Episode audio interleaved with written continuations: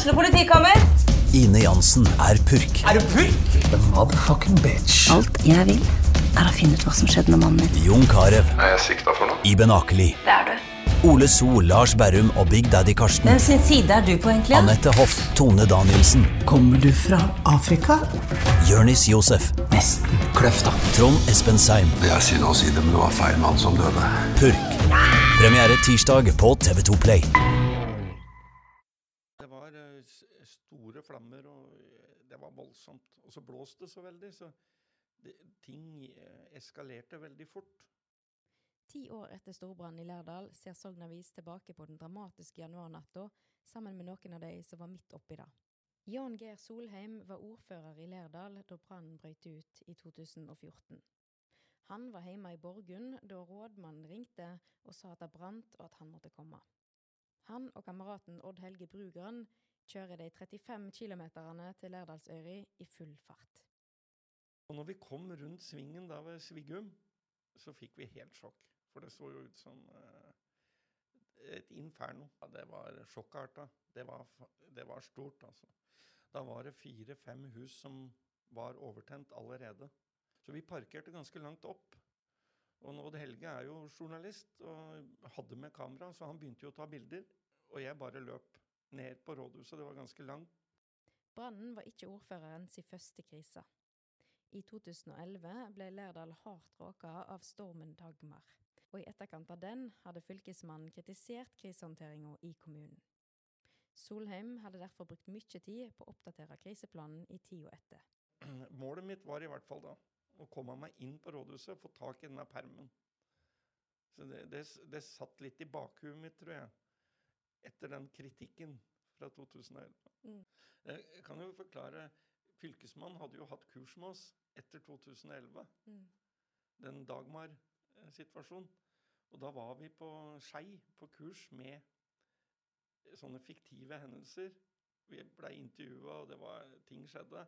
Og de som kom dårligst ut i test, det var ordføreren i Lærdal, altså meg, og ordføreren i Årdal, Arild Ingar eh, Legreid. Vi fikk strykkarakter.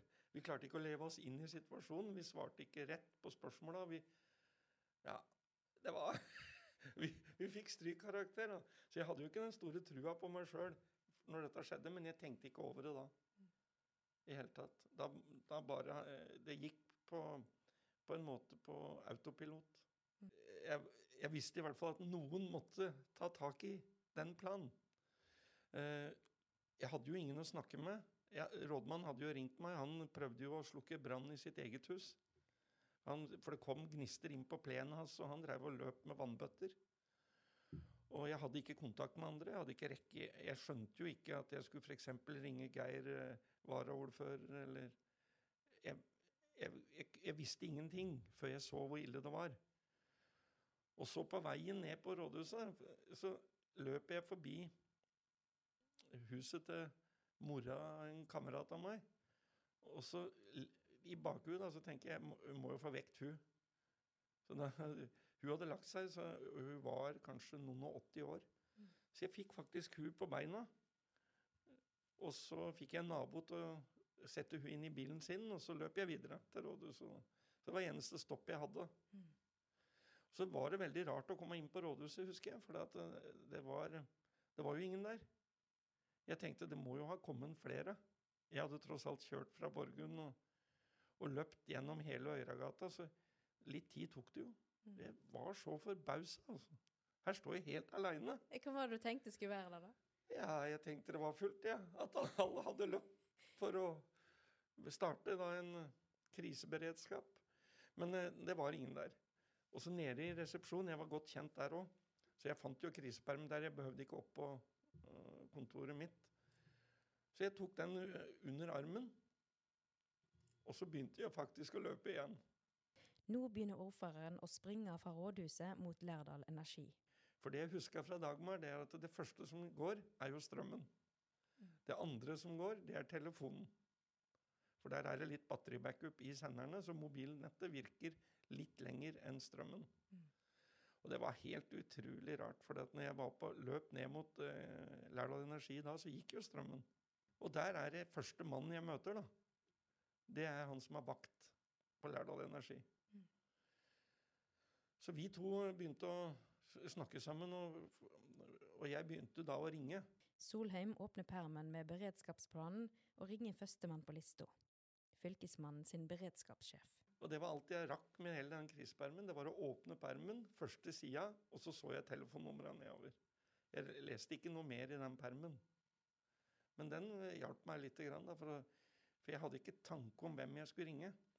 Men når, når jeg fikk tak i han fylkesberedskapssjefen, så er det jo han som da har satt i gang hele eh, spetakkelet med alle nødetater.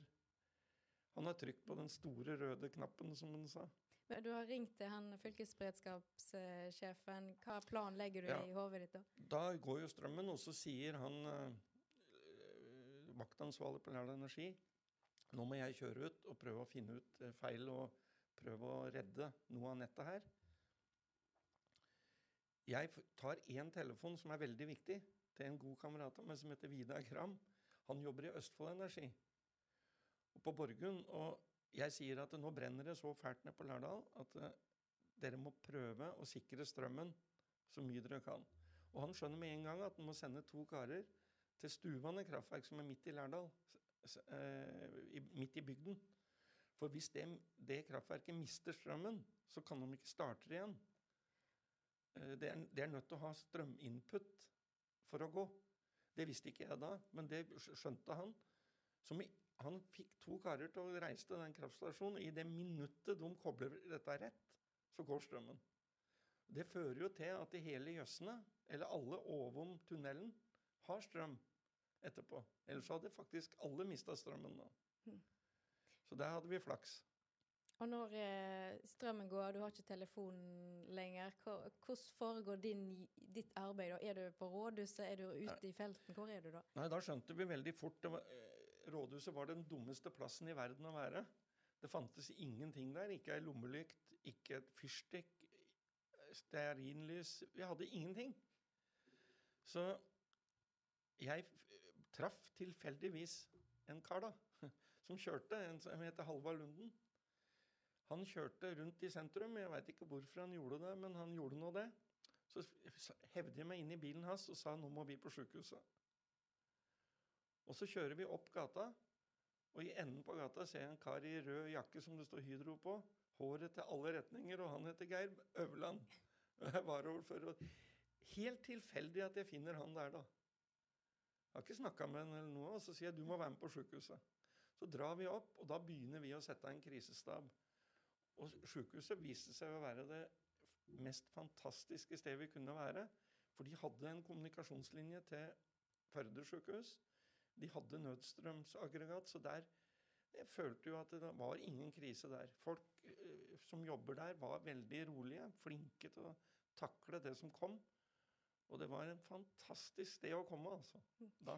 Men, eh, du var ordfører da. Hva tenkte du om de roller i eh, det som skulle skje utover natta? eh, Nei, da, det skjønte jeg jo ikke. Hvor stort det kom til å bli, og, og hva vi skulle håndtere i, i dagene som kom. Skjønte ingenting. Så det blei ble bare Det blei å ta ting på sparket. Særlig den natta, selvfølgelig. Jeg husker spesielt et øyeblikk da jeg kom ned igjen på Øyri. Veldig tidlig. Dette er kanskje første turen min ned på Øyri. da. Etterpå da møter jeg en TV 2-journalist, for de er veldig tidlig her. Og så sier han Han har et eh, kommunikasjonskurs med meg på to minutter. For det er veldig kaldt. Jeg var veldig tynnkledd. Satt oss inn i bilen hans og sa han, du kommer til å få et helvete nå, sier han. Du skal huske to ting. Du må se inn i kamera, og så må du aldri svare på det du blir spurt om. Bare forklar det du har tenkt, og som er viktig å få sagt. Ikke hør på spørsmålet. og sånn øh, opererte vi da hele natta. Og da fikk jeg input ikke sant, fra varaordfører Geir og fra rådmann fra sykehuset. Så jeg hadde egentlig topp informasjon. Og da var det jeg sa til alle intervjuer jeg gjorde. Jeg husker Jeg hørte aldri på spørsmålene. Men jeg kom ut med et budskap. og når eh, Altså, det jo, ble jo ei hektisk natt. Eh, når var det da situasjonen begynte å roe seg for din del? Når kunne du sette deg ned og Han roa seg ikke, altså. Så vi, vi satt ikke. Jeg tror alle vi som var først på her, rådmann, varaordfører, ordfører, vi, vi, vi begynte en jobb. Vi, vi hadde ordonnansjobb, egentlig. Folk ble evakuerte. Vi oppretta evakueringsplasser. Vi måtte reise mellom de plassene og informere. Vi, kunne, vi, vi var såpass nøye at vi informerte på nivå hvilke hus som er brent ned. Vi, måtte, vi, prøvde å fortelle folk det. For vi evakuerte over 600 mennesker. Og noen dro til familie, så de hadde vi ikke oversikt på. Andre steder i bygden. Noen dro på ungdomshus, på kafeer, til aulaen. Så det blei uoversiktlig, men vi informerte så mange vi kunne. Det var hovedjobben min, da. Mm. Egentlig å reise opp og ned på Øyri og informere de som var evakuert. Så ble jo over 470 mennesker eh, registrert på sykehuset. Som, eh, og en god del av de fikk jo behandling. Når, eh, ja, som du sa, det, det, roer, seg aldri for deg. Nei. Men eh, fikk, når kunne du gå hjem og, og legge deg, eller? Skjedde ikke. Det som skjedde, var at uh, vi, vi, begynte et uh, race som ikke hadde noe ende. Uh, den kriseledelsen uh, var jo en fire-fem kommunalsjefer. Og så blei til slutt hele formannskapet kalt inn nå, men jeg og Geir var jo på jobb fra fra det begynte til vi ikke orka mer. Jeg veit ikke hvordan Geir endte, men jeg endte i ei seng på sjukehuset på føden. Eh, klokka Jeg er ikke helt sikker, men sju-åtte-tida på kvelden mandag. Så jeg hadde stått opp lørdag klokka halv sju om morgenen, for jeg hadde fjøs. Så jeg hadde vært og mjølka, og så hadde jeg drevet og jobba hele dagen. Og så arrangerte jeg en dugnadsfest om kvelden så jeg sto bak baren og, og serverte folk klokka 11.15 når rådmannen ringer. Og så begynner jobben med å hjelpe til under lørdagsbrannen. Og da gjør vi det hele natta, hele søndag. Og så kommer det søndag kveld. Da kommer ei som heter Margunn Tue bort til meg og sier 'Nå, Geir, går du og legger deg'. Hun er da helsesjef i Lærdal. Mm. Da ser jeg at øyepupillene mine er helt svarte. Og jeg er vel kanskje i grenseland på humøret mitt òg, for jeg er ganske klar i talen til de kommunalsjefene. De begynner å klage vet du, på at de ikke har fått mat på så og så lenge. og De sitter tross alt inne på et eh, varmt oppvarma rom med aggregat og greier. Så dere har ingenting å klage på. Jeg var ganske amper. Så jeg hadde vel brukt opp både tålmodighet og den eh, arbeidskapasiteten jeg hadde. Så fikk jeg en tablett jeg vet ikke hva det Han var så ørende liten. Jeg var jo gira, ikke sant. Hadde masse i blodet mitt da. Adrenalin og Så jeg hadde, hadde ikke vært av Margunn som sa det til meg, da. Nå må du gå og legge deg, så hadde jeg ikke gjort det. Men det, jeg, jeg hadde veldig stor respekt for hun. Så da kjørte jeg opp på sjukehuset. På vei inn så måtte jo alle prate med meg. Mm. For det var en veldig stor eh, arbeidsstokk på sjukehuset. Og alle ville prate, så jeg brukte vel to timer fra inngangspartiet opp til eh, fødeavdelingen. Og så ble jeg aleine inne på rommet, og så står jeg med den tabletten foran speilet, husker det godt, og så tar jeg den, går mot senga, har mobilen i handa. På veien så har jeg mista mobilen på gulvet, og jeg har stupt opp i senga uten å kle av meg, og da sover jeg som en stein. Så har ordføreren i Auland kommet da, da. Og han har tatt jobben min de timene jeg sov. Det første jeg får beskjed om, er at Erna kommer. Og det er ikke lenge til hun ligger på et hotell og sover i Hemsedal, får jeg beskjed om. Men, og, og, jeg må da bruke den tida, lille tida jeg har, til å planlegge Erna sitt besøk. da. Og når hun syns det var så viktig å komme, så tidlig, så var det jo veldig viktig for oss å ta imot på en ordentlig måte òg. Og, og, virkelig vise hun hva som hadde skjedd, hvem det hadde påvirka, åssen folk hadde det nå. Så der syns jeg hun gjorde en fantastisk jobb da når hun kom. Hun var veldig omtenksom. Hun var veldig tydelig i det hun sa, i det hun gjorde. Hun var, jeg husker særlig en gang oppe på ungdomshuset på Tinghall. Da, reiste, da gikk hun rundt, satte seg ned, tok unga på fanget. Hun var skikkelig sånn landsmoder da.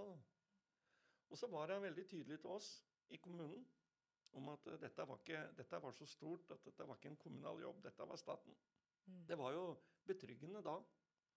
Så viste det seg at det var jo bare sprøyt. Etter brannen ba kommunen om 50 millioner kroner til gjenreising av brannområdet men summen fra staten endte på 19 millioner kroner. Staten stilte ikke opp. Vi fikk altså så lite støtte at vi klarte vel akkurat å dekke utstyret som var ødelagt hos de ulike brannvesen som hadde vært i Lærdal. Det var ikke mye mer vi fikk av penger. Vi fikk veldig god støtte av kommunene rundt. Psykiatri, helse, Røde Kors. Altså, hele landet bidro, men særlig kommunene rundt oss var helt fantastiske med oss.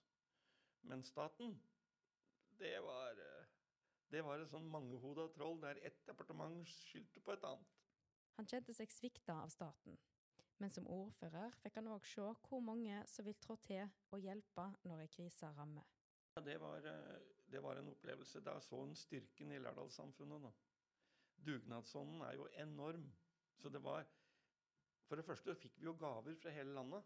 Det var helt rørende at vi i Norge, rikeste landet i verden, har behov for hjelpesendinger. Faktisk var det behov for det. Og da var det sånn på et nivå som at en gutt på sju år hadde sett på TV, ikke sant? og så har han pakka de dyrebareste leikene sine. Og så skriver han oppå 'Til gutt ca. sju år. Hilsen Herman Pedersen', eller Sånne fikk vi så mange av. Da var det det, det begynte å komme? Ja, det var eh, onsdag, tirsdag, onsdag. Så begynte det å, å, komme så mye hjelpesendinger. Og folk strikka og lagde alt mulig. Så vi oppretta jo en gratisbutikk i et lokale som kommunen eide. Og det var folk som organiserte den. Der folk bare kunne komme og hente klær, leiker, utstyr. For folk hadde jo mista alt. Så det var veldig fint. Det endte jo med at vi hadde to trailerlass for mye som ble sendt til Hviterussland etterpå. Men det var altså opplevelse. Også menneskene i Lærdal var veldig snille med hverandre. Det, den dugnadsånden i Lærdal er jo ekstrem. Det syns jeg. Vi får til veldig mye i en vanlig situasjon.